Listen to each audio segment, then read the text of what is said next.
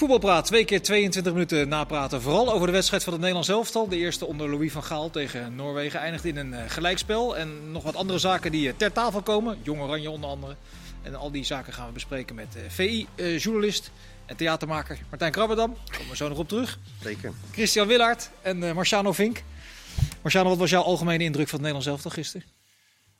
Um, nou, als je het bekijkt dat ze maar anderhalve dag uh, uh, voorbereidingstijd hebben gehad, dan was het redelijk. Als je kijkt naar kwaliteit en het systeem uh, op het veld, dan ja, was het gewoon slecht. Ik vond de eerste twaalf. Dat snap ik niet helemaal. Nou ja, kijk, als je kijkt naar de kwaliteit en de spelers die we hebben, het systeem uh, 4-3-3, aanvallend. En uh, als je ziet wat er dan uitkomt en wat, hoeveel kansen we gecreëerd hebben en het vertoonde spel, was het niet goed. Maar als je dan weer bekijkt vanuit de anderhalve dag voorbereiding, dat Vergaal ze misschien heeft mee kunnen geven uh, wat hij graag wilde zien ja, dan was het qua resultaat was het, uh, redelijk. Dus ik, ik, mijn mening persoonlijk is, is dat uh, ja, ik vind gewoon dat Nederland de eerste twaalf minuten redelijk tot goed gespeeld heeft. En op een gegeven moment verliezen ze het. En dan zie je ook dat, uh, dat Noorwegen met Haaland met name gewoon gevaarlijk wordt. De passing wordt slechter, er wordt minder bewogen. Het wordt heel voorspelbaar. Frenkie dribbelt op, zoekt de zijkant, krijgt de bal terug. Um, stilstand uh, in, in, in de voorwaartse, dus geen beweging. De, mm-hmm. Weet je, dus al met al, de dingen waar je een beetje bang voor bent, die kwamen eigenlijk allemaal uit. En ja. dat vond ik gewoon erg zonde om, uh, om dat te zien, want ik had er echt zin in. Nou, we gaan het zo meteen allemaal ontleden, want je, je stipt al een aantal punten aan die we ja. uitgebreider gaan uh, bespreken. Martijn, jij was in het stadion. Wat was nou het grote verschil voor jou, deze wedstrijd afgezet tegen die laatste tegen Tsjechië op het EK? Mm, los van de temperatuur. De, de uitvoering ook wel. Het was natuurlijk niet best, maar we zijn wel eindelijk verlost van het vreselijke 5-3-2 of, of 3-5-2 systeem. En ja, Marciano praat over 12 minuten. Misschien was het iets langer, maar in die fase zag je wel dat ze eh, steeds de kanten zochten. Ook met de buitenspelers. Die goal kwam ook. Hè. Berghuis was niet goed, maar er kwam wel, uit zo'n situatie kwam wel die goal. Ja, en ze kregen kansen nog via Kakpo. Dus ja, dat is wel een fase waarin je eigenlijk gewoon wel het verschil moet maken. En dan gaat het vanzelf makkelijker tegen die compacte Noorden. Ja, uiteindelijk naar die 1-0 achterstand met die Haaland. Ja, hadden ze wel door van, uh, daar moeten we wat voorzichtiger mee zijn. En op het einde speelden ze gewoon om, om, om dat resultaat uh, binnen te halen. Zo simpel is het. Ja, Chris van Gaal had uh, uh, voorafgaand over 4-3-3, omdat de spelers dat ook graag wilden. Anderhalve dag voorbereiding. Is het dan zo heel ingewikkeld om de basisprincipes van 4-3 mee te geven? Dat valt er wel mee. Nou ja, dat is dat lijkt me eigenlijk onvoorstelbaar, want iedereen is juist in Nederland opgeleid in 4-3-3. Ja. Al die buitenlandse coaches die klagen over Nederlandse spelers. Die naar met, andere, met andere woorden, het argument van korte voorbereidingstijd. Als je zo speelt zoals je uh, wil gaan spelen, is dat toch niet zo uh, lastig? Mm, ja, het is natuurlijk meer dan alleen maar zeggen we gaan 4-3 en dan weet iedereen onmiddellijk wat je moet doen. 4-3 kun je op allerlei verschillende manieren uh, doen. Ehm, ik zie in Duitsland zie ik pressieploegen die met heel veel uh, zeg maar verticaal spel, heel snel ballen naar voren spelen in een 4-3-3. En anderen spelen weer 4-3-3, meer balbezit voetbal. Wat mij dan opvalt is dat in het begin gebeurt dat wel. Is er heel veel druk, wordt er snel ingespeeld, is er beweging. Ook omdat die aanvallers weten, als ik beweeg, komt die bal. En dan is er één kans voor Noorwegen. En dan gaat het de heren toch een beetje dun door de broek, denk ik. Want ineens worden ze veel zuiniger op die bal. Maar wat krijg je dan? Tik, tik, tik. Die Nooren staan allemaal precies goed. Die, die aanvallers maken twee, drie sprintjes, bal komt niet. Nou ja, dan maken ze dat sprintje even niet. Wordt het nog moeilijker om die bal te geven. Tik, tik. Ja, da daar zit je dan naar te kijken. En dan ga je toch, ga je toch een beetje ergeren. Ja, het, tempo, het tempo ging gewoon omlaag. Maar dit systeem, dat 4-3-3, daar moet je ook uh, jezelf willen opofferen voor een ander. Um, dus loopjes maken waarbij je de bal niet krijgt, waardoor een ander vrijkomt. En als je dat, daartoe niet bereid bent, dan krijg je dus dat hele statische spel wat je dus gezien hebt uh, gisteren. Maar is dat, al, dat is dan onbewust niet bereid zijn? Of? Nou, ik denk dat het misschien in deze spelers ook wel zit dat uh, het met de bal je ding doen en, en zonder bal het niet kunnen zien. Eén voorbeeld, bijvoorbeeld in de tweede helft geeft Daley Blind geeft een diepe bal op, op Klaassen die een, een loopje maakt van 10 meter. Vervolgens wordt die bal onderschept en Daley die maakt een sprintje om gelijk druk te zetten. Hij wordt daar uitgespeeld en die Noren die kunnen ja, eigenlijk 20 meter overbruggen. Dan zie je dus dat Frenkie de Jong zijn positie overneemt. Maar wie neemt nou Frenkie de Jong zijn positie over? Niemand. Want Klaassen en zowel Wijnaldum, die Zijn staan weg. eigenlijk zijn weg. Dus dat bedoel ik te zeggen met jezelf opofferen voor een andere. En dat zijn dus die, die automatismes die er, die, die er niet in zitten. Maar als, als, je dat, als je dat doortrekt, eh, is dan die keuze voor het middenveld wat hij wat die gisteren deed, is dat dan toch te aanvallend, te, te, te gewaagd? Nou Als je die nee, automatisme nog niet hebt? nou nee, want normaal gesproken zijn er natuurlijk allemaal spelers die eh, wel iets met een bal kunnen. En die hem niet zo vaak verliezen zoals ze gisteren deden. Maar als het dan wel gebeurt en als er dan ineens heel veel zijn die het, die het overkomt. Ja, dan kom je ineens in het probleem. En Van Gaal gaf na afloop wel toe dat hij dat wel een beetje heeft onderschat. Hè? Dat hij gedacht had dat ze met die kwaliteiten die ze hebben... zich iets makkelijker onder de bepaalde drukmomenten konden, konden uitvoeren. Ja, als je dan slordig bent en je leidt balverlies op Dat die- wordt veel, heel vaak. Ja, dat was het natuurlijk ook. Als je zo bij Nolm zag struikelde een keer over de bal. eh, Timber, een paar foute inspeelpasses. Ja, je, je zou bijna het veld eh, de schuld geven, eh, leek het, leek het bijna. Maar als je dan op die momenten die, die, die- daar, die bal, dat balverlies leidt met Haaland... Ja, ga er maar aan staan als de Vrij en Van Dijk om dat, eh, om dat te verdedigen in die ruimte. Nou ja, Ja, wat, wat me dan wel opvalt, van tevoren ging het over Haaland kun je nooit 90 minuten afstoppen. De toevoer moet afgestopt worden. Dan kijk je naar die selectie, denk je, waar zou die toevoer vandaan komen? Eudegaard misschien. Dus wat, doe- wat doe je dan, denk ik, als je aanvalt, restverdediging, in ieder geval niet die bal naar Eudegaard. Wat gebeurt er? Er, zijn, er is één kans voor El drie voor Haaland. Dat zijn er vier. En volgens mij drie van die vier ballen kwamen van Eudegaard. ja maar dat- Maar dit- Eudegaard is natuurlijk een ge- geweldige speler. Die verliest nooit de bal.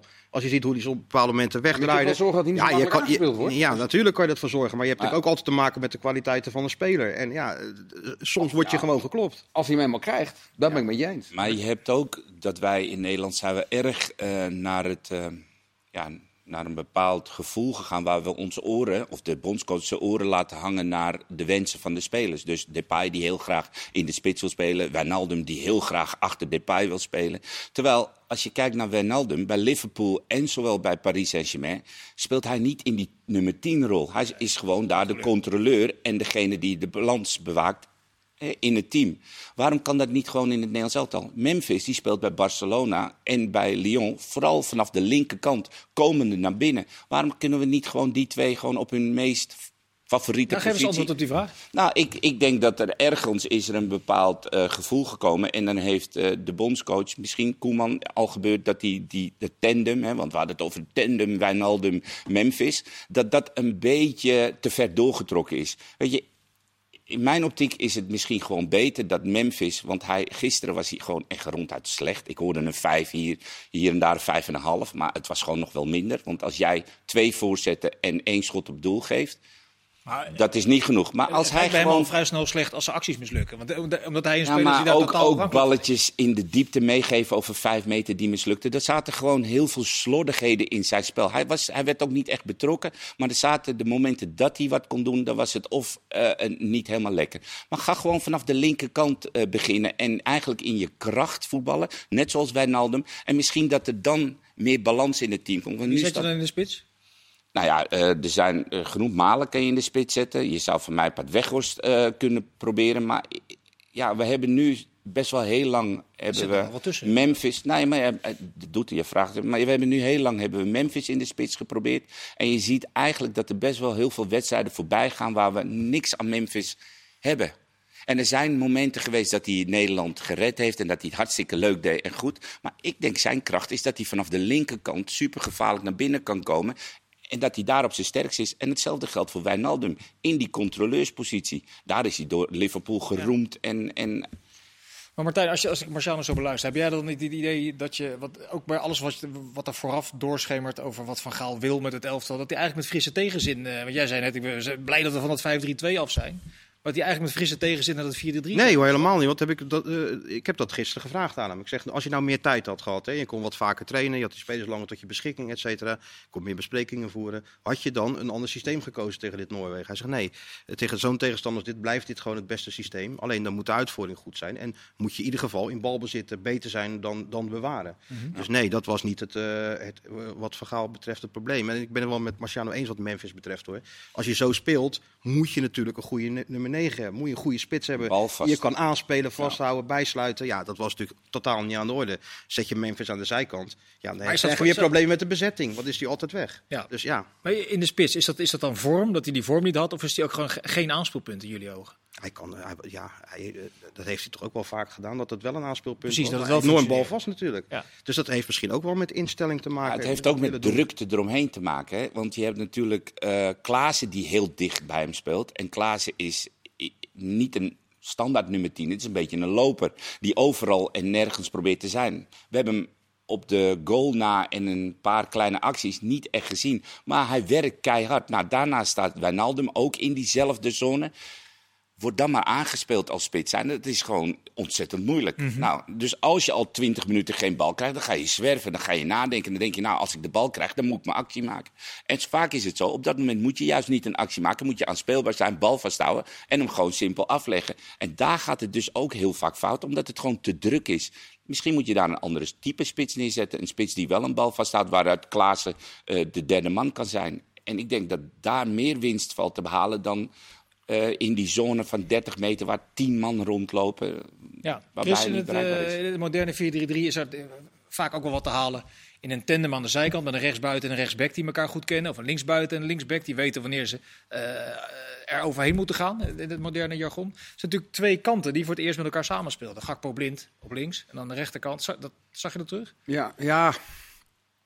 Ik weet niet of dat dan per se eh, ook heel moeizaam zou, zou moeten zijn. Het is natuurlijk wel een gok als je sowieso een nieuwe cyclus begint. Eh, en je gaat dit ook nog eh, anders doen.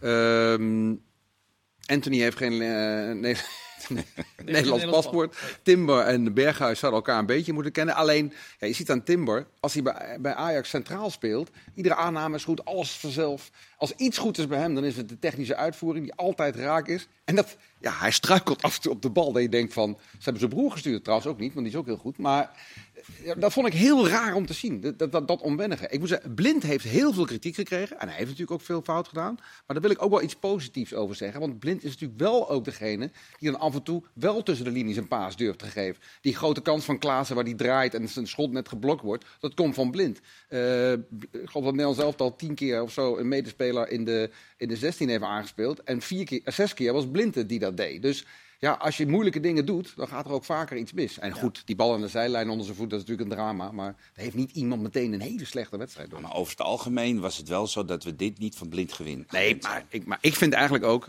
Blind moet je altijd opstellen, maar niet als linksback. Nee. Dat Hij is gewoon niet zo wel geweldig in vorm. Erkende hij zelf ook na die wedstrijd tegen Twente. Waar die, Er waren er wel meer niet. Nee. Dus daar zit je meteen al een beetje. En dan verlies je nog die wedstrijd niet. Nee. Kan je nagaan. Norris stelde natuurlijk ook niet zo gek veel voor. Maar hebben wel een echte wereldspits. En een, eh, Nou, dat vonden ze zelf anders. eh, ze vonden zichzelf eh, geweldig. Tenminste, op basis van wat ze tot hun Ja, ze beschikking hebben hadden. natuurlijk heel erg hun best gedaan met die Norman en, die, en wat liep er nog meer allemaal wel niet, niet rond. Die Torsby.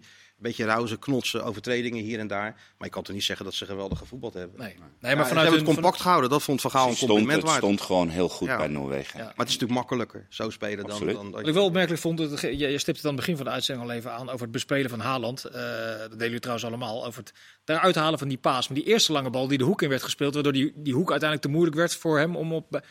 Dat was een, een rechter centrale verdediger die geen strobreed in de weg gelegd werd.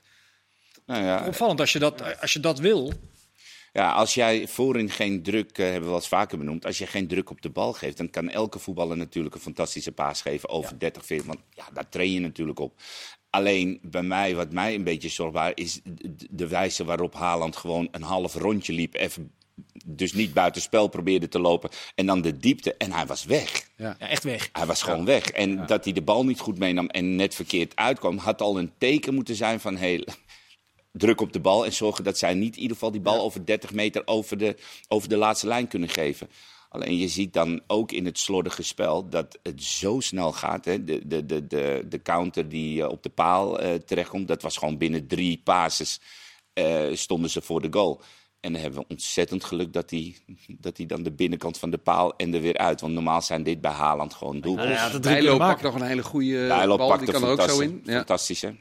Ja, Dat ook was ook een een, geweldige loopactie. Binnen naar buiten. Ja, maar weet je wat- is ook wat- soms niet te verdedigen. ook. Wat wel ironisch is, we, we zitten hier vaak eh, wedstrijden van het Nederlands zelf te bespreken tegen dit soort tegenstanders. Ja. En dan komen we eigenlijk iedere keer in het gesprek tot de conclusie, ja, ze hebben toch 3, 400 procent kansen weggegeven. Waarom overkomt dat het Nederlands elftal dan toch altijd tegen de eh, Noorwegers, Montenegro, Zwitserland eh, van deze wereld? Het, het is concentratie, want als je kijkt naar de goal, ehm, dan hebben we het erover dat er een corner wordt genomen en dan staat de vrij staat bij Haaland. Het enige wat jij moet doen is te zorgen dat Haaland niet kopt. Want je weet, supergevaarlijk. Dan wordt de bal weggewerkt. En dan zie je dus dat Timber, die staat bij Haugen, bij de nummer 11. Die, die loopt voor hem langs, die dekt hij. Maar die staat dus eigenlijk nog achter de vrij. Ja. En dan heb je Van Dijk, die staat, nou, we zeggen, 10 meter naar links. Die staat ook nog schuin achter. En de Vrij heeft heel Haaland, nadat de bal uitgewerkt nooit meer gezien. En hij schrok dat de bal er overheen kwam en dat Gakpo nog, eh, daar nog eh, aan het chokken was. Mijn mening is, als dat er een corner wordt genomen, volg jou je, man tot het einde. En als je weet dat je hele team aansluit, dan sluit je hem aan en zet je hem buitenspel. Maar je kan niet zomaar weglopen en naar de bal blijven kijken en dan verrast zijn dat, dat Haaland in je rug omdat staat. dat bij Inter, als de vrij naar voren loopt, dat, dat de rest automatisch en dat het dan veel Ah, meer ja, ingeslepen zit, dat, ze dan wel meelopen? Maar jij moet als centrale verdedigers, verdedigingsduo moet jij natuurlijk wel de boel meenemen. Dat, dat moet gecommuniceerd worden. Ja. Dat, je, dat je eruit stapt. Je kan niet zomaar eruit stappen en naar de bal blijven kijken en eigenlijk Haaland achter je vergeten. De gevaarlijkste man. En dat is een kwestie van 10 seconden verder zijn. hè. Het is niet dat we drie keer Ja, de maar bal. Sjane, op dit niveau is dat toch ergens ook wel een beetje gek. Dat kan je toch ook van tevoren afspreken. Dat als de centrale man achterin naar voren... je- Het enige wat je hoeft te doen, Ja. als mee verdedigen en links buiten... is de Vrij en Van Dijk eh, in de gaten houden. Dat je die lijn aanhoudt. Ja, nou ja, Timber op zich, dat was nog niet zo heel ver weg. En dat Haaland daar net tussen en achter staat, dat is natuurlijk kwalijk. Want als de Vrij gewoon was blijven dekken zoals hij had moeten dekken, had hij die bal gewoon weggekopt. Had Haaland niet aan kunnen nemen en niet kunnen draaien. Kijk, in het naar, naar voren lopen, of je doet het met z'n allen en je bent een ge- gearriveerd of een, eh, een hoe zeg je dat? Een, eh, Olie de machine. nou ja, geoliede machine en je neemt alles mee. Hè? Dat zal bij Juventus en bij Inter niet anders zijn. Maar als je dan, zeg maar nu, ehm, Van Dijk en De Vrij niet heel vaak met elkaar spelen... dan moet er gewoon gecommuniceerd worden. En dan kan het niet zo zijn dat Haaland op vijf meter achter je staat. Ja. Net na een corner. Nou, dat zijn van die concentratiemomenten. Jij vraagt hoe kan het dat ze drie, vier kansen weggeven. Het weglopen of een bal verkeerd inspelen en een counter om je oren krijgen... en dat Haaland wegloopt bij je. Ja, dat kan gebeuren. Ja, dus die, die, die, die Maar- slordige paas van Timber, waar die, die enorme Precies. kans op de paal... eh, Dat kan gebeuren. Alleen uit een corner zo'n kans weggeven mag in mijn ogen niet. Nee. Dit, wat zal hij de Vrij gedacht hebben na die loopactie van eh, Haaland? Van, eh, ik ben toch een van de beste verdedigers van de wereld, maar hier, Nou, hier hij is zal- niet zoveel tegen te beginnen. Hij zal gedacht hebben, dat heb ik met eh, Lukaku eh 30 keer per jaar meegemaakt tijdens de training. Ja. Ik sprak hem daar ook wel over. Hij zegt, ja, hij, hij heeft echt veel weg van, van Lukaku in zijn manier van spelen. Net zo sterk, snel, redelijk goede, te- goede techniek. Dus ja, hij wist natuurlijk wel wat hij kon verwachten. Maar soms moet je ook gewoon je meerdere erkennen in de kwaliteiten van een, van een spits. En dat is soms heel vervelend, maar ja, het is wel zoals het is. En hebben we mazzel dat Louis die gouden pik heeft, hè? Ja, dat zei hij zelf ook. Maar hij, eh, niet in die bewoordingen, maar hij had het er wel weer Ja, ga- dat zei hij toch? Ja, tegen ons zei hij het, in ieder geval oh, de ja, ja, ja. Hij haalde dan wat hij een jaar of tien geleden ook al een keer gezegd Ja, ja, ja. Nee, dat is, eh, of tenminste, ja, dan begin, dan begin ik weer te dat- twijfelen. Nee, gouden pik. dat zegt. Nee, hij zei tegen de verslaggever van de NOS zei hij iets van: eh, je kent, de- ik heb de geluk, geluk aan de kont hangen. Oh, ja. ja, ja. Zei hij iets beschaafd. Iets beschaafd. Ja. Zonder camera had hij over, de Ja, ja. Nou ja, het is, wel, het is wel zo natuurlijk. Want die uitslag in Turkije, dat is natuurlijk wel de, de meevaller van, eh, van de week tot nu toe. Ja, want er werd 2-2 diep in ja, de blessure. ja, dan kan je dit wel leiden ook. ja. Ehm, ja, maar misschien voor Doelsen bedekt het ook wel het een en ander. Of, waarom? ja. ja, waarom? Is- Want ik vind 7 uit 4 niet zo heel overtuigend in deze Nee, pool. ja, maar dat komt omdat je van Turkije hebt, eh, hebt, hebt, verloren, toch? Ja. Ik bedoel, je speelt niet eens goed en je, je, je, je verliest niet eens van die Noorden. Dus kun je nagaan als het iets beter gaat, eh, gaat lopen. Nog een keer alleen maar thuiswedstrijden. Je hebt alles in eigen hand. Dus ja, het gaat wel niet meer fout. Jullie zijn er weer helemaal om, hè? Nou, helemaal daar, om, eh, tuurlijk. Zo, ik ben, zo ben ik toch? Ja, nee, maar ik, nee, maar ik zat gisteren naar die wedstrijd te kijken en eh, de- je ziet het weg hebben in de tweede helft. En ik dacht, stel nou dat Frank de Boer nou nog op die eh, bank had gezeten. Hoe, hoe, hoe waren de reacties dan geweest na afloop? En dan hadden ze hem verloren waarschijnlijk. Dat kleeft er dan ook Dat is, aan. dat is moeilijk te heeft het niet aan zijn kont hangen. Nee. Nee, nee, maar ik bedoel meer in de beeldvorming. Hoe was het dan tegen je? Is het, ik heb het idee dat het nu allemaal nog wel een beetje met de mantel de liefde eh, bedekt wordt. Wat niet zo gek is hoor. Omdat, Ja, omdat je ook in de eerste 20 minuten nog wat dingen... Dat is misschien heel, heel weinig. Dit dat snap is. ik 20 ook minuten wel. tegen Noorwegen. Ja, dat weet ik wel. Maar je zag in ieder geval een beetje voetbal. En dat heb je natuurlijk de tijd niet gezien. Of zag je het wel in dat eh Ja, gekke systeem dan met bij, bij Vlagen hebben we het op de EK de tweede helft tegen, eh, wat was het? Ja, Macedonië. Of uh, Ja. Noord-Macedonië. Ja. Ja. Thuis in de arena. Met- Eh, ben je ben al geplaatst. En eh, ja, die konden er helemaal niks van. Dus ja, dat, dan, dan maak je wel een paar goals. Dus nee joh. Nou, plaatsen voor het WK zal niet het, eh, zal niet het probleem zijn. En ik, ik, ik vind ook echt dat ze eh, deze weg gewoon verder moeten bewandelen. En gewoon 4-3-3. Alhoewel, je zag best wel heel vaak dat het gewoon 1 en dan 2, 3, 4 en 1 was. Dus dat hele 4-3-3, eh, Hans werd daar gisteren ook een beetje gek van. Dat is het niet helemaal. In de opbouw zie je echt wel hoe ze, hoe ze willen spelen. Maar ik, ik vind dit wel heel hoopgevend. Er zaten natuurlijk, eh, ja, met Haaland zaten er gewoon fouten in. Slordigheden zaten erin. Spelers niet in vorm. Alleen, ik, ik, ik kijk liever naar dit systeem en dit spel dan dat ik naar het EK-gebeuren keek. Want dat weet ik echt niet. Van Gaal zal ook halverwege geconcludeerd hebben, nou, er moet iets gebeuren. Want de, de, de heeft hij het vaak genoeg benoemd. Daar, daar, zitten wij niet heel breed in. Blijkbaar was hij ontevreden, want hij haalt uh, Berghuis naar de kant. Ging het op dat vlak in de tweede helft beter, na die wissel? Het Malen aan de linkerkant en Gakpo die naar rechts verhuisde, Chris? Ja, ik vond, nou, ja, ik vond trouwens Malen goed uh, invallen. Ik ben wel eens kritisch op Malen geweest. Ik ben, een, ik ben een liefhebber van zijn spel. Hij heeft uh, heel veel rendement. Maar wat hij nu wel daaraan koppelde was... Blijkbaar kun je dat in twee maanden, als je naar Duitsland gaat, leren. Hij heeft nu meer ballen afgepakt als in vijf interlands uh, daarvoor. En dan kunnen we zeggen, ja, maar staat hier ballen af te pakken? Ja, ja, dus ook wel. Want anders komen dus inderdaad die lange ballen waar jij het over had op Haaland. Weet je? Als je iemand hebt die dat niet doet. Dus dat vond ik wel een, voor, een voordeel. Ik vond alleen wel, als je Gakpo naar de rechterkant haalt, haal je wel heel veel gevaar weg bij hem. Ja. Moet je hem dan wel opstellen. Dan kun je beter Memphis links zetten en, en weg was in de spits bij wijze. Ja, jij zit een beetje hoofdschuddend uh, naar dit betoog uh, te luisteren. Nee, ik ben het wel mee eens hoor. Maar kijk, Malen is natuurlijk veel een spits. Ja, ik bedoel, het is... Vond je hem wel goed? Ik vond, ik, ik vond hem, ik, vond hem matig. Zo ik vond hem matig. Ja, ik vond hem matig. Berghuis ook. En, en Van Gaal vond dat Berghuis zijn opdrachten en zijn taken niet goed genoeg uitvoerde. Nou, ik vond, hij, vond hij ging naar binnen om ruimte te maken. Dus hij hield wel zijn positie. Die goal kwam er ook uit. Dus ik vond de, die wat, wat strenger beoordeeld blijkbaar dan, dan, dan, dan Gakbo. Maar Maal is wel gewoon een, een spits, vind ik. En ja, we hebben gevraagd, breng dan Weghorst. Waar we Weghorst niet gebracht, toen gaf hij het argument... Gakbo naar die andere kant, ik had geen zin om hem te slachtofferen. En als ik dat doe, ja, dan zijn die buitenkomende buitenspelers helemaal niet meer in hun kracht. Nee. Dus, Zowel Gakbo als Maal hebben bij PSV meerdere keren aangegeven... dat ze liever niet vanaf de rechterkant spelen. Dat maar Bergwijn, je hebt ook nog Bergwijn. Die, ja, die toch ook kunnen inbrengen ja. aan de rechterkant? Hij liep warm. Dus dat was misschien een iets logischer uh, vervanger geweest. Maar Gakpo begon, ik vond Gakpo goed beginnen de eerste 25 ja, minuten. Gakpo maar speelde gewoon heel erg was goed. het uh, machteloos. En ook sterk had een, uh, op een gegeven moment een duel. En dan gebruikte hij zijn lichaam heel slim. En die bal die viel, go viel goed. Naar binnen komend op doelschiet. Hij speelde gewoon echt de eerste nou, 25 minuten heel aanwezig. Hij heeft echt alles. Alles ja. heeft hij. Ja, hij heeft echt Alleen, alles. Er mag wel iets meedogenlozer, zou je bijna denken. In Gaan we zo meteen, uh, over de, daar gaan we zo meteen verder over praten. En ook over de wissels die Van Gaal uiteindelijk uh, niet toepaste of pas heel laat. Dat allemaal in deel 2 en nog veel meer. Tot zo.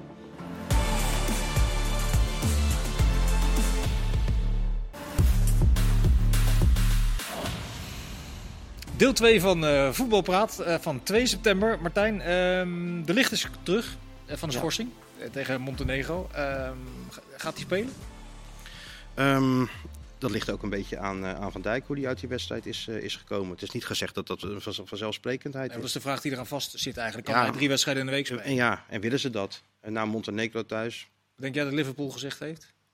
I, I, niks, volgens mij. Maar ze hebben natuurlijk altijd wel contact. En ze denken natuurlijk zelf ook na, omdat je je hebt die spelers te leen. Dus je bent vanzelf al wat, uh, wat voorzichtiger. Dus ik verwacht eigenlijk dat hij misschien deze eruit gaat en dan misschien Turkije. Ja, afhankelijk dan weer met de vrij en uh, ligt dat voor dan, Chris? Ja, dat, precies dat dacht ik ook. De, de, de redenatie zal worden. Dit is een andere tegenstander. Misschien iets meer een inschuivende voetballende verdediger nodig. En dan kun je de licht ook natuurlijk weer. Ja, je houdt wat makkelijker iedereen tevreden.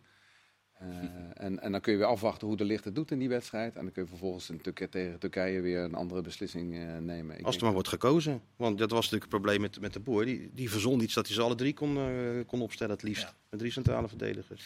Um, jullie hadden in de pauze, dat hebben de kijkers niet gezien. Dus ik vraag of jullie het nog even opnieuw willen doen. Een discussie over de bezetting van het middenveld. Of je dat heel anders zou moeten doen tegen Montenegro. Um, nou ja, qua namen niet. Maar ik zou wel gewoon um, Wijnaldum naast Frenkie de Jong zetten. En, en daar Klaassen voor, of wie je dan ook neerzet. Maar in ieder geval met de punt naar voren spelen. Zodat, je, um, zodat de opbouw niet uitsluitend al en alleen bij Frenkie de Jong terechtkomt. Want nu was het wel zo voorspelbaar en het stond zo vast. En, en ik denk dat je iets meer lucht creëert in, in, de, in de ruimte waar Memphis en Klaassen lopen. Dus um, ja, mijn optie zou zijn dat je, dat je iets meer voetballend en dat je iets meer variatie in de opbouw uh, krijgt met een Wijnaldum die dat ook gewoon kan. Maar dat blijft dan wel de beste optie als je kijkt naar de, naar de personele bezetting naast Frenkie de Jong? Ja, dat denk ik. Je kan Gravenberg daar neerzetten die dat uh, wekelijks doet. Maar ja, dat doet uh, Wijnaldum ook bij Paris. Dus ja, weet je, je hebt een goede backup. En eh, Graafberg is nog jong, die komt er echt wel aan. Maar ik denk dat het voor Frenkie waarschijnlijk ja, ook wel een stuk lekkerder is dat het niet alleen maar bij hem vandaan komt. En dat hij misschien ook af en toe wat dieper kan gaan staan. Wat Koeman ook bij Barcelona wil. En nu was het echt zo, hij was het verlengstuk van die twee achterin. En ja, zoek het uit. En ja, dan weten we het wel. Dan gaat het naar de zijkant en dan krijg je weer dat geëikte spel. En met Wijnaldum ja, dan krijg je misschien ook weer meer variatie ook aan de rechterkant. Dus ja, ik, ik, ik zou daarvoor opteren. Ja, ik denk niet dat hij verder, Martijn, uh, corrigeer me maar als ik, het, als ik het verkeerd inschat, dat hij heel veel wisselingen gaat doorvoeren. Maar de backposities, hij moet wel, want Blind is geschorst. Ja, hij moet een natuurlijk linksback hebben, ja. ja wie, wie heeft daar uh, de meeste kans? Malaysia, AK, Rens. Volgens de filosofie van Van Gaal komen daarvoor een aanmerking. Ik denk als hij gewoon zijn eigen filosofie volgt, dat hij gewoon een linksback voor de linksback uh, neerzet. Mm -hmm. Dat moet dan toch Malaysia worden. Denk je? Dat denk ik wel. Ja, je kan ook zeggen... Dat Alhoewel Rens speelt nooit, maar hij is wel heel goed in de vier hoofdmomenten van het voetbal. Hè? Dus misschien dat, dat ze dat wel kunnen gebruiken dan. Kon jij gelijk oplepelen wat hij bedoelde ja, dat, met die kon, vier dat, hoofd, dat, kon ik wel, ja. ja? Dat kon ik wel, ja. ja Kun je de ja. kijkers daar deelgenoot van maken, die Het- vier hoofdmomenten? Het, het balbezit, balbezit tegenstander en de omschakelmomenten. Ja, dat kon ik wel... eh, dat, eh, Ja. En gedrag in die, in die omschakelmomenten. Ja, en het gedrag, ja. Dus ik vroeg me wel af dan welke eh, van die vijf. vier van die, van die onderdelen hij het meest of het minst tevreden was. Hè? Balbezit, eigen partij misschien. Ja, het sowieso balbezit, eigen partij. Ja. eh, De beide omscha- omschakelmomenten balbezit- waren slecht. Balbezit, omschakeling. Ja. En, en, het En duurde, terug ook. En, en terug ook. Het duurde gewoon te lang. Er zat gewoon geen fantasie in. Het was echt fantasieloos wat we zagen. Nee. Maar wees blij, want er is nog heel veel te ver- verbeteren. Zeker. En net zoals elke trainer, zoals Slot bij Feyenoord, heeft zelfs Louis van Gaal geen toverstafje. Nee, want hij Geen zei, eh, ja, iedereen vindt het maar een geweldig elftal, het Nederlands elftal. Maar daarmee liet hij doorschemeren dat iedereen dan met hem uitgezonderd. Maar daar heeft hij toch gelijk in. Hm? Daar heeft hij toch Ja, maar ik vraag me altijd af, als je dat roept, wie, wie bedoel je dan met iedereen? Volgens mij zegt niemand dat het Nederlands elftal momenteel bij de top 5 of top 10 van de wereld hoort, toch? Nou ja, ik weet het niet. Wat is zeven dan een betere ge- landen ja, ze hebben noemen? toch gewoon van al die ge- andere geweldige elftallen gewonnen. Van Duitsland, van Frankrijk. Ja, eh, Ja, incidenteel. Ook wel eens verloren. Hè? Ja. Ja, ook wel eens verloren, maar ook wel eens gewonnen. Ja. incidenteel. Ze hebben mij twee keer van die Duitsers gewonnen. Nee, maar je hebt zo'n FIFA-ranking en dan eh, wordt een beetje bijgehouden hoe landen het doen tegen andere landen. En dan zijn we gewoon eh, ergens rond de vijftiende plaats. Ja. Ja. Ik denk dat het helemaal niet zo gek is. Ik denk als wij tien keer tegen Brazilië, Duitsland, Frankrijk of Portugal spelen, ja, dan gaan we gewoon de meerdere keren eraf. Nou ja, Ja. Ik weet het niet. Je Goed. gewoon... Eén dingetje wil ik nog uitpakken, want eh, met Bijlo stond er een debutant in de goal. Dat was op zich niet verrassend dat hij daarvoor koos. uitstekend gedaan. Ja, Ja, betrouwbaar. zeker. Rustig. En eh, ja, weet je, de eerste keer eh Nederlands elftal, eh, kan je je voorstellen, weet je, van eh, spanning en, en ja, ga ik het goed doen? Blijf ik staan? Krijg ik een kans? Dat is als speler zijn. Maar als keeper de eerste keer in Nederlands elftal in zo'n wedstrijd, Helemaal op jezelf aangewezen. Weet je, alles is natuurlijk onder een vergrootglas. Elke fout, elke foute eh uittrap, te snel uittrappen, niet meegeven. Alles wordt onder een vergrootglas gehouden. En ja, ik, ik echt beetje af. Ik Want- had dat, dat het enige waar je volgens mij aan kon zien dat hij toch eh, een beetje de nervositeit had, was de, de, de eerste paar ballen die hij dan eh, over 30, 40 meter naar een bek moest trappen, dat het een beetje verkrampt was. Dat Ja. niet dat, Ja, dat, vrij ja, is. ja, En dat mag ook wel, oh, nee, natuurlijk mag Het dat. kwamen wel aan, maar net iets minder hard. Ja, precies, net iets minder zuiver dan, eh, dat is wel lekker dat die ene redding op Haaland. Dat, Ja, dat is was- dat kan eigenlijk heel bepalend zijn eigenlijk in, in de keeperscarrière, Ja, zoiets. Ja. Zo is het ook. Het is eigenlijk heel lullig, maar zo'n zo'n moment, als hij net lullig via zijn handschoen nog binnenrolt, dan zegt iedereen, jij moet die pakken. Maar toch, hè, weet niet of jullie dat ook hadden. Als je kijkt hoe hij gespeeld heeft sinds hij weer terug is gekomen in het doel bij, bij Feyenoord, heeft hij eigenlijk zo goed gedaan en zo stabiel dat je, waar je normaal altijd met zo'n jonge keeper die er voor het eerst in staat, denkt, oh, als dat maar goed gaat. Ik had nu eigenlijk het gevoel van, dat komt wel goed. Ja. Ja. Alleen eh, die uitwedstrijd tegen, eh, wat was Elsborg? Dat domme moment, die rode kaart. Was het Ja, maar dat, is, Ja. dat, dat was was thuis. thuis. Bij, bij was eh, thuis. 3-0 geloof ik. Of was het 5-0? nee, 5-0. Het was toch oh ja, 4-0 sorry, thuis, ja, ja. thuis. 4-0. Dat, dat, was, dat zijn van die... eh, Ja, sowieso. dat je een beetje overmoed. Als je zijn spel onder een eh, vergrootglas legt, is dat het enige eigenlijk. Dat, dat, dat druistige, misschien met de hoge ballen van de zijkant, dat, dat daar nog wat, wat Maar gisteren, gisteren echt Goed een gedaan. beetje af. Ja. Ja, knap. Knap. gedaan. Denk ik dat we het Nederlands zelf gaan, eh, gaan afronden. En dan is het een kleine stap letterlijk naar eh Jong Oranje. Want je zal bondscoach zijn van Jong Oranje. En dan een nieuwe cyclus moeten beginnen, Chris. Ik leg het even bij jou neer, want jij hebt Ja. hem eh, uitgebreid gesproken. Erwin van der Looy. Die met 16 debutanten aan een nieuwe cyclus gaat eh, Ja. beginnen. Ja, dit is natuurlijk het mooie van Jong Oranje, is anders dan andere eh, teams. Omdat je nu eenmaal met die cycli te maken hebt en mensen kunnen twee jaar meedoen. Ja, er, moeten, er zijn een aantal paar die heel jong er al bij zitten, maar de rest moet helemaal vervangen worden. En je krijgt dus ook een totaal andere eh, selectie met hele andere kenmerken. En dan vraag je af, ja, wat gebeurt er dan met die visie van, eh, van de Looy? Hè? Wat, wat, wat, dat 4-2-2-2, eh, di- snel direct naar voren spelen. Martijn, je moet wel een beetje mee met je tijd. Hè? Je kunt niet alleen 4-3 spelen. En eh, direct naar voren spelen, buitenspelers. Als je kijkt naar deze selectie bijvoorbeeld, er zit geen buitenspeler in. Niet één. Redan, Deschamps, Redan zou je met heel veel fantasie een buitenspeler kunnen noemen. Dat is natuurlijk eigenlijk een tweede spits.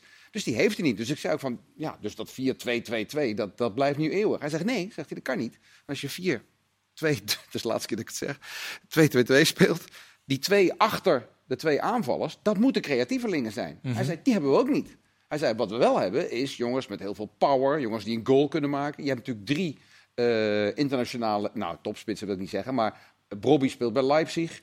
Uh, is opgeleid bij eh, Bayern München, zit nu bij Anderlecht. Boadou zit bij eh, Monaco. Wil je het liefst alle drie opstellen? Alleen, het zijn natuurlijk alle drie ook een beetje slapers als je de bal verliest. Dus dat druk zetten, dat kun je dan ook weer vergeten. Dus hij moet iets... Ik zei, wat ga je dan doen? Hij zei, ja, ik weet het nog niet. Ik ga, daarom hebben we ook geregeld dat we pas één wedstrijd spelen in die eerste periode. Dat we een week, volle week kunnen trainen met die Ja, want jongens. zij spelen 7 september pas de eerste wedstrijd tegen Jong Moldavië. Eh, in Deventer tegen Jong Moldavië dinsdag. En nu is hij aan het experimenteren. En ik ben bij die training ook eh, wezen kijken. En dan zie je dat hij eh, twee teams had gemaakt. Goh, alles wat basis zou kunnen zijn of niet basis, allemaal door elkaar. Maar wel 4-3-3. Dus hij lijkt voorlopig met de gedachte te spelen om in ieder geval terug te gaan naar eh 4-3-3. En dan inderdaad met eh, drie aanvallers. Als, wat eigenlijk centrumspitsen zijn, dicht bij elkaar. En proberen zo snel mogelijk die bal daar te krijgen. Wat een gelul. Nou, Wat een gelul. Vertel. Stel- gewoon elf spelers op en maak het niet zo ingewikkeld. Met, ik, het kan niet, we hebben drie aanvallers, we moeten zussen. Wat een onzin allemaal tegen Moldavië. Hoe belangrijk is Jong Oranje eigenlijk? Ja, het is natuurlijk, natuurlijk is het belangrijk. Natuurlijk is het belangrijk. Er komen toch altijd spelers vanuit door. Maar je moet nou net, hij doet net alsof hij eh, met Chelsea aan de slag is of zo. Nou ja, Ingewikkelde gedoe. Vorige keer ook met dat 4-2-2-2-2. Doe gewoon normaal. Nou, de ironie is natuurlijk dat hij zo'n hele cyclus met dat ingewikkelde systeem aan de slag gaat. Wat overigens in die, in die eh, kwalificatiewedstrijden best aardig functioneerde allemaal. Hoor. Want tegen, Ja, heb je gezien tegen wie ze dat speelden? was het tweede gedeelte van mijn zin. Oh, niet altijd de beste tegenstanders eh, was dat ook wat makkelijker uit. Noorwegen. Maar de ironie is natuurlijk, je traint met je beste spelers, je gaat op weg naar het EK. En op dat EK eh, krijg je vervolgens te maken met Koopmeiners en Gakpo, die naar de A-ploeg worden gehaald en vervolgens op de tribune zitten. Dus Maar dat is toch van alle tijden? ja, dat zeg ik. Maar de, Jong Oranje wordt altijd, als zo'n cyclus begint, wordt al best wel eh, gewichtig over gedaan. Dat het belangrijk is, dat het herkenbaar moet zijn. En door die documentaire heeft, hebben ze natuurlijk wel wat goodwill eh, gekweekt. Dat hebben ze allemaal goed gedaan. Maar uiteindelijk is het allemaal in dienst van de A-ploeg. Dat, dat, dat ga je nooit je, veranderen. je moet dat toch ook vooraf eh, zo communiceren naar die jongens. Want ja, we weten allemaal dat de Jong Oranje is gewoon voorportaal voor het echte Oranje. En eh, de bondscoach heeft maar te kiezen wie die wil. En daar moet je het mee doen. Als je aan de voorkant zou zeggen van nou ja, we weten het niet. Want eh, de- iedere keer zal het een andere samenstelling zijn. En we weten niet wie er doorgaat en wie niet. maar dat, We is, zien dat wel. is wel wat het is. Ja, maar dat is wat ja, het is, maar zo communiceer je dat Ja, maar doe je, natuurlijk jong oranje, nooit. doe je Oranje ook een klein beetje tekort, vind ik. Eh, het is natuurlijk wel iets veranderd. Hè? Dus hiervoor hebben we een periode gehad van, eh, ik geloof, 234 jaar... dat we nooit bij een groot toernooi geweest wij zijn. zijn Met er geweest. uitzondering van Foppen. Wij zijn er geweest. Nee, maar goed, daarvoor zat- 20 zat- jaar niet. er zat en daarna 12 ook dingen zat niet. Of 12 jaar tussen of zo. Dat is echt heel lang niet... eh, bij, bij, Hey, tussen de Foppen eh, tijdperk en eh, dat Ach, laatste nee, EK. Kop- Kopot is 98 als waren ze 2011. 98 waren ze geweest. Kop- Volgens mij in Roemenië. Ja. En, en daarna 2007, 2008. 2000 Twee keer. 2006 kampioen geworden, 2007 kampioen geworden. Ja, sorry, 6 en 7. Ja, ja, ja. ja. Maar, er zijn wel, nee, maar wat ik wil zeggen is, er zijn natuurlijk wel tijden geweest dat ten eerste bijvoorbeeld eh, Jong Oranje moest tot volgens mij tien jaar geleden moest hetzelfde systeem spelen als Groot Oranje. Zoals er een bondscoach kwam Ja. die zei ik ga zo spelen, dan moest Jong Oranje onmiddellijk dat ook alles me- overboord, is- maar is dat niet zo gaan meest- spelen. Is dat niet het meest logische? En nou, eh, daar zijn ze wel van afgestapt. Ik heb dat ook gevraagd aan Van der Looy. Absoluut niet het geval, zegt hij. Ik mag totaal anders spelen. Want we willen ook hier een elftal Maar ik maken. vraag niet wat van de Loos, hè. Ik vraag Nee. wat, wat logisch is. Ehm, nee, ik vind dat niet logisch. Ik vind dat niet logisch. Want eh, uiteindelijk, waar praat je over? Eh, de, de spelers die echt goed genoeg zijn voor Oranje en die 20 zijn, die zitten niet bij Jong Oranje. Waar het dus om gaat is een nummer 19 of een nummer 20 als er een keer een blessure is, die je uit Jong Oranje weg zou moeten plukken. Dan zou je alleen daarvoor een systeem wat misschien helemaal niet geschikt is voor de spelersgroep die je hebt bij Jong Oranje, zou je dan een heel andere manier moeten gaan spelen. Het is, Ja, ook, het is ook die ene week dat ze bij elkaar zijn en dan een, een jong oranje of heb een- veel bij Jong Oranje gezeten eigenlijk. Oh, weet ik eigenlijk niet. Ja, je hebt toch die boete gehad? Of was het niet bij Jong Was Oranje? dat bij Jong Oranje? Was dat Ja, lager? nog had, je, eerder. weer- had je niks uitgevoerd? Dat was onder Dus, 18, toch? Was- Of zo? ja, ik weet niet. Zou ook heel goed Jong Oranje zijn. Maar Kunnen jullie dit even we- toelichten, die boete? Waarvoor was? Beenhak, hè? Nee, wij kregen eh, 500 eh, en we verdienen niet zo heel veel. Dus die boete, dat was echt wel pittig. Eh, 1000 gulden. Toen nog gulden. En eh, Frank die viel eh, in, Frank de Boer, die kreeg 500. Maar hij vond dat wij dus eh, ja, beneden ons niveau gepresteerd Wie hadden. is, wie is hij? Eh Benakker. Ja? En we kregen een officiële brief. En eh, die brief heb ik toen op Twitter eh, gezet. En dat ging echt viral. Maar, ehm, Geweldig was. Ja, wij hebben toen een hele officiële brief. Hebben we 1000 euro omdat we gewoon niet naar behoren gepresteerd hadden. Gewoon je best niet gedaan. En ik heb, ik heb, nou ja, ik heb een, een stukje later gelezen. Dus dat was van de, nou ja, de Deventer Courant of zoiets. En die man die had een keurig stukje. En daar stond gewoon Marciano Vink. Was de enige AXC die zich ontrok aan de malaise. Ik kreeg gewoon 1000 euro boete. Maar dat terzijde. Die, En geen regenpijpje, niet s'nachts Nee, nee, stappen. nee, nee, niet, nee, eh, nee, absoluut. Dat, die Dat vraag is al vaker geweest. Nee, wij, het ging puur alleen om, om presteren. Nou ja, dus kun je nagaan eh, wat voor een niveau wij eh, altijd aantikken. Maar over, over dat Jong Oranje, ehm, kijk, Van der Looy gaat helemaal zijn eigen gang, dat moet hij allemaal zelf weten. Maar je zit nou natuurlijk in een eh, WK-jaar. Ik kan me wel herinneren toen ze naar Israël gingen met die groep van Corpot. Ehm, toen was eigenlijk alles al geënt op dat WK in, eh, in Brazilië. Dus was echt eh, serieus een voorpartaal. Er ging De staf ging ermee, eh, de manier van spelen, eh, Ja, dat, alle, werd nog alle een hele, dat data. werd toch nog een hele rel, omdat Vergaal zich Ja, te veel eh, met de opstelling bemoeide voor, eh, was. Cor, was Cor niet blij mee, maar die deed uiteindelijk wel gewoon wat er, wat er van hem wordt gevra- gevraagd. Want de helft van de staf van Vergaal was ook gewoon mee. Ja. En uiteindelijk... Maar die zeiden ook halverwege een training, Cor, nu stoppen. En dan dat wij dat allemaal konden horen, weet je wel. Dat, eh, dat Dan zeiden wij, Cor, je laat die training toch niet eh, stoppen? dat die Jos van Dijk, Cor, stoppen, stoppen. En dan zei Cor, nee, we gaan even door, het loopt net zo lekker. Nou ja, dat liep, allemaal, dat liep natuurlijk voor geen meter. Meteen bellen naar Vergaal, die in China zat. Al een paar mensen uit die staf. Dus dat was wel een leuke, leuk EK. Ja, voor jullie. Maar voor ons. voor ehm, Gakpo, ehm, even kijken, het was in de, pool, in de poolfase met eh, Jong Oranje. eh, speelde die natuurlijk fantastisch. En Stenks die zat bij het Nederlands elftal. Van, nou ja, die was geselecteerd door Frank eh, voor het Nederlands. Gakpo heeft eigenlijk zijn uitverkiezing voor het EK...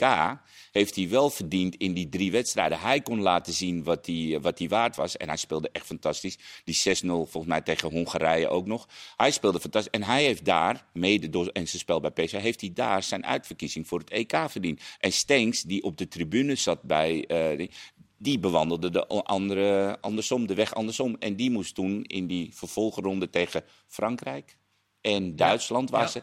Toen speelde hij in jong en hij heeft toen een EK gemist. Ik denk persoonlijk dat als jij gewoon goed speelt in, het, eh, in jong oranje, dat, dat er toch goed gekeken wordt van hey, kan hij de stap maken naar, eh, naar, naar het echte oranje? En ja, Gakpo is daar denk ik wel het voorbeeld van. Ja. Koopmijners. Ja, die Gakpo overigens, de, de, de eerste selectie van de vorige cyclus er even bijgepakt om te kijken wat, eh, hoe zich dat nou verhoudt. En toen stond Paas in de goal en Bijlo op de bank. Was op de bank gezet door Van der Looy. Ja, Gakpo heb je- ook heb je het bankzitter. al. Ja. Heb je het al. Ja. Maar met andere woorden, er valt niet zoveel over ontwikkeling eh, binnen Jong Oranje. Het kan snel gaan en het kan ook stokken. Dit, dit is wel een hele leuke generatie natuurlijk. Hè. Dus die generatie die op het WK onder 17 heel ver kwam, dat EK onder 17 gewonnen heeft. Met heel veel jongens die op jonge leeftijd al, is wel Maar ook interessant. veel jongens die we helemaal niet kennen. Ja, maar die jongen, omdat ze op jonge leeftijd al naar het buitenland zijn gegaan. En daar vaak in jong teams hebben gespeeld, een keer verhuurd geweest zijn. Bart, we hebben nu Bart jongens... Verbrugge van Anderlecht.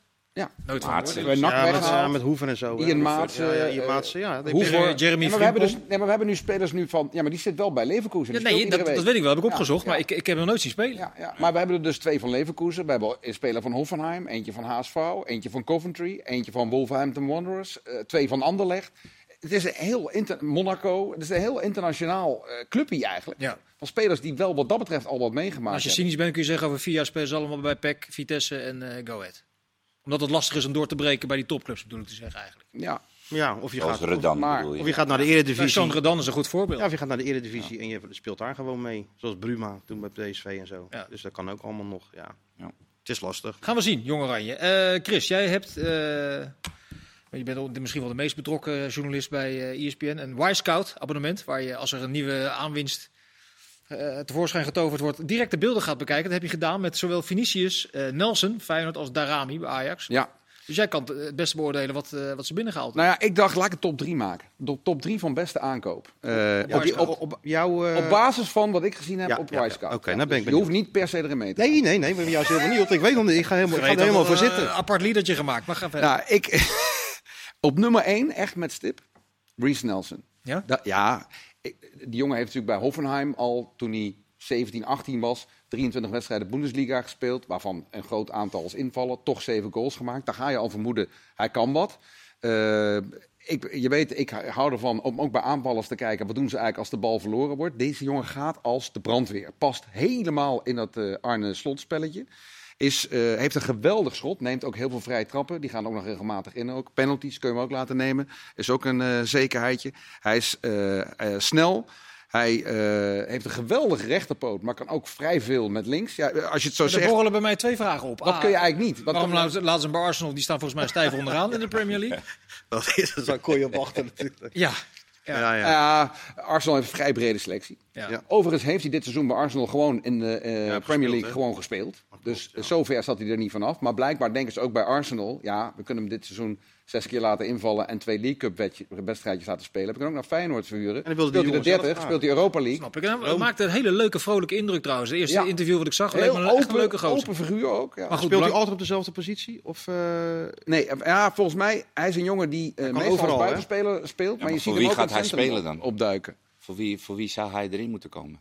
ja, hij kan Ja. er voor Linsen in. Hij kan Nou, ja, voor, eh, zal nog wel een keer tegen een spierblessure aanlopen. Ja, ja, eh, die was al denk niet ik. Helemaal top okselfris tegen Utrecht. Ik heb hem ook niet. gezien. Je kan, je kan niet na anderhalf jaar stilstand 34 wedstrijden in de Eredivisie spelen. Dat gaat. Oké. Nou, is goed nieuws voor de Feyenoord supporters. Ja, want eh, daar maken ze zich nog wel een beetje druk, Martijn, over de breedte van de selectie. Nog steeds, nu het allemaal Moet hij eerst even zijn lijstje? Of, eh. Oh ja, sorry, maak even 2 en 3 af, Chris. Je bent Ja, nou, ik zal het, ik zal ik zal het, Als jij de volgende keer nou hier gaat zitten, dan ga ik wel op Nee, dat- Ik zal, ja, ik heb, eh, ik, heb lasoog, ik heb lasogen en dan wordt het hier even in 1 minuut 30 word ik hier afgeserveerd. Ja, sorry, dus, Chris. dus ik ga nog even door met Vinicius. Ja. Eh, mensen zeiden van ja, het is een omgeturende verdediger. Ik heb gekeken, maar vanaf 2017 heeft hij alleen maar in de spits gespeeld. Dus dat moet dan bij eh Palmeiras onder 20 eh, zijn geweest. Heb ik ook nog beelden van gekeken, Ja, maar tuurlijk. kon ik hem niet helemaal eh, in terugvinden. Eh, we kennen hem natuurlijk ook een beetje van die vuurperiode bij, eh, bij Spurs. Wat opvalt bij dat soort figuren, hè, veel, veel trainers zeggen dan, ik wil ook een ander type in de spits. En dat moet dan een hele grote Beetje jongen kort en bondig, Chris. En dan krijgen, ze, drie nee, maar dan minuten. krijgen ze een grote jongen en die kan echt helemaal niet voetballen. Deze jongen kan wel voetballen. Kan Mooi. absoluut voetballen. Meestal zijn die jongens, dat soort types, ook traag. Is deze ook niet. Hij is niet traag. Hij is eh, linksbenig, heel goed schot. Maar kan ook wat met rechts. Dus voor mij nummer twee, als je kijkt naar de aankopen van de topclubs. Vinicius, PSV. Gaat Weer een wondervoetbal. Blijft Gaat over. met, dat gaat met 27 goals voor Sahavi. Ja, Hey, lekker dan. En drie? potverdorie. Drie Darami. Want Ten Hag heeft gelijk, dat hebben ze nog niet. Dat is ook een jongen die gaat als de brandweer. Dat is Heel veel diepgang. Eh, ze hebben vier linksbenige buitenspelers. Hoe, hoe, hoe dat ooit kan ontstaan, dat vind ik dan ook heel grappig. Van zo'n technisch directeur die denkt, weet je wel, laten we nog een linkspoot nemen. Eh, maar dit is inderdaad een rechtspoot die vanaf links kan spelen. Met heel veel diepgang. Alleen, als je dan beelden gaat bekijken, als de ruimtes klein worden. Af en toe gebeurt dat als Ajax in de Eredivisie speelt. Geen zachte voetjes. Nee? Die? 13 Ja, miljoen. die- dat was, Ja. Bij 12,5 miljoen was dat ook de duurste van de drie. Maar Martijn, dan ga ik nu toch naar Martijn. Chris, top, dank je. Die, eh, eh, de breedte van de selectie van Feyenoord. Ja, dat is het probleem. Ja, maar ze, ze, ze hadden spelers voor, voor de breedte, zou je kunnen zeggen. Bozeniek, Ver. Zeker, en die hebben ze allemaal laten gaan. Die hebben ze laten gaan. Abs- Is, dat ergens niet? Maar dat moesten omdat ze anders helemaal niks hadden. Nou ja, kijk, ze moesten natuurlijk sowieso budget eh, creëren. Het was ook een, een wens van eventuele investeerders dat het zou gebeuren. Maar ook gewoon voor Feyenoord zelf. Sommige spelers zaten er al zo lang. Op een gegeven moment kom je op het punt dat je moet doorselecteren. Had natuurlijk al veel eerder gemoet, hebben ze niet gedaan. Dus nu hebben ze dat eigenlijk, ja, oneerbiedig gezegd, opgeruimd. Wat, wat, ze- waar ze van Mhm. af, eh, af wilden. Ja, en het probleem is wel dat het gebeurt in een periode waarin Feyenoord natuurlijk donderdag, zondag, donderdag, beker nog erbij, dat ze heel veel moeten spelen. En de consequentie voor slot is dat hij dat met een hele smalle groep eh, moet gaan doen.